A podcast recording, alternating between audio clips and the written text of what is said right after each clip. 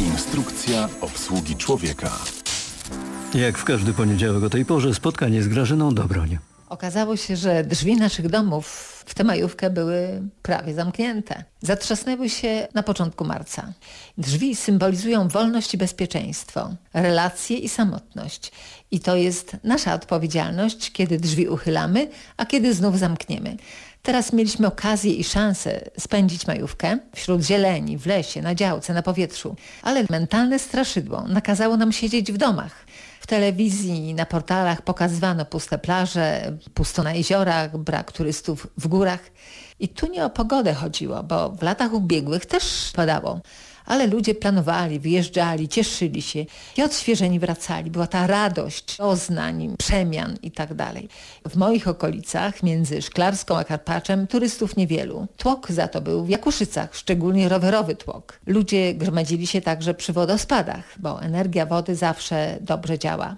Było ciepło, więc z gór spływały białe bałwany, kłębiły się, przeskakiwały. No naprawdę wspaniały widok.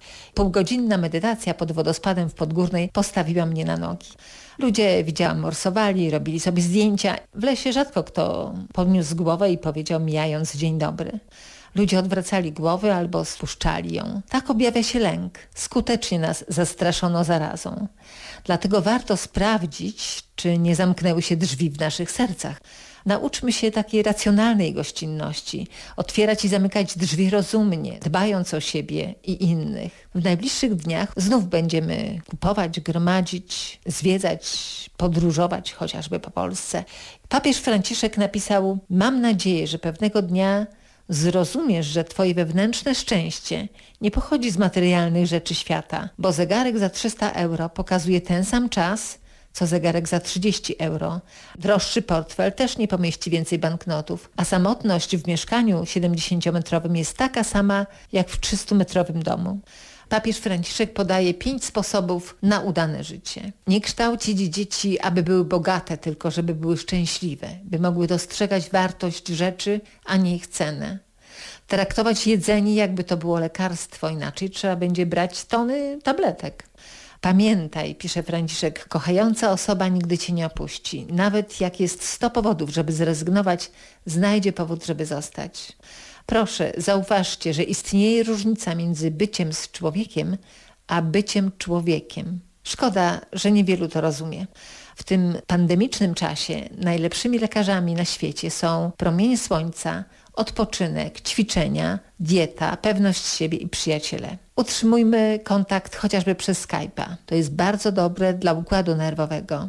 Nie rozmawiajmy też z rodziną, ze znajomymi tylko o wirusie, a o zwykłych rzeczach, które nas interesują i sprawiają przyjemność. Bo strach zamknie nam drzwi i nie wyjdziemy z domu nawet, jak przestaną obowiązywać izolacje i kwarantanny. A serce? Pandemia pokazała nam tysiące osób, które pomagają służbie zdrowia, osobom starszym, samotnym, zwierzętom. No ale to wciąż za mało. Lęk, brak nadziei, złość, wstyd. Te emocje są powszechne, ale niepotrzebne, niekonieczne. Bez względu na sytuację zawsze próbujmy przekształcać uczucia lęku, beznadziei, złości. Nie tylko zmniejszać, ale usuwać z naszego rejestru emocji. Są dwa ruchy sprzyjające zdrowiu emocjonalnemu. Wyrzeczenie i tworzenie.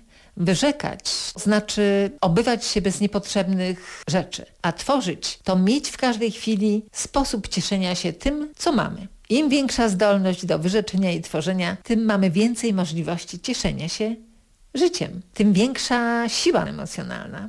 W praktyce to mniej więcej wygląda tak. Obawa przed chorobą. Problem. Wyrzeczenie. Nie muszę być zdrowy, aby być szczęśliwy. Nie muszę żyć dłużej niż los mi tam wyznaczył. Nowe znaczenie. Korzyści. Będę najlepszym chorym na świecie. Będę się wzorowo poddawał leczeniu, a nawet pomagał innym.